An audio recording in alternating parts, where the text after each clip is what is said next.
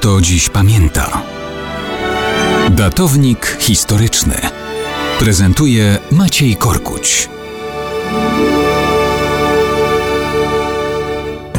Mało kto dziś pamięta, że 12 kwietnia 1850 roku cesarz Austrii Franciszek Józef I podjął decyzję o budowie twierdzy Kraków. Nie, nie, to nie to samo co średniowieczne obwarowania Krakowa. Z tych nam pozostały jedynie fragmenty. To zespół fortyfikacji dzisiaj rozrzuconych na dużych przestrzeniach miasta i poza nim, w powiecie krakowskim. Budowę rozpoczęto po powstaniu krakowskim w 1846 roku i po likwidacji wolnego miasta w połowie XIX wieku. Kraków znalazł się tuż przy północnej granicy z Rosją i blisko granicy z Prusami. Zaczęto więc budować cytadele i umocnienia strzegące dostępu do wnętrza imperium.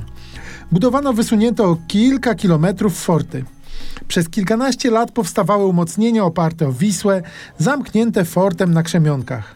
Po klęskach Austrii i Francji w wojnach z Prusami ulegała zmianom taktyka wojenna. Zmieniało się więc również budownictwo obronne. Wtedy rozpoczęto budowę pierścienia fortów artyleryjskich wysuniętych daleko, bo aż kilkanaście kilometrów od centrum miasta. Pojawiły się wieże pancerne i tym podobne udoskonalenia.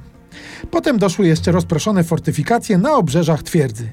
I mało kto pamięta, że te forty w większości zachowały się do dzisiaj w Krakowie i okolicznych miejscowościach.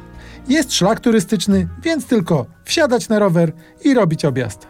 A wszystko za sprawą decyzji Kaisera Franca Józefa I z 12 kwietnia 1850 roku.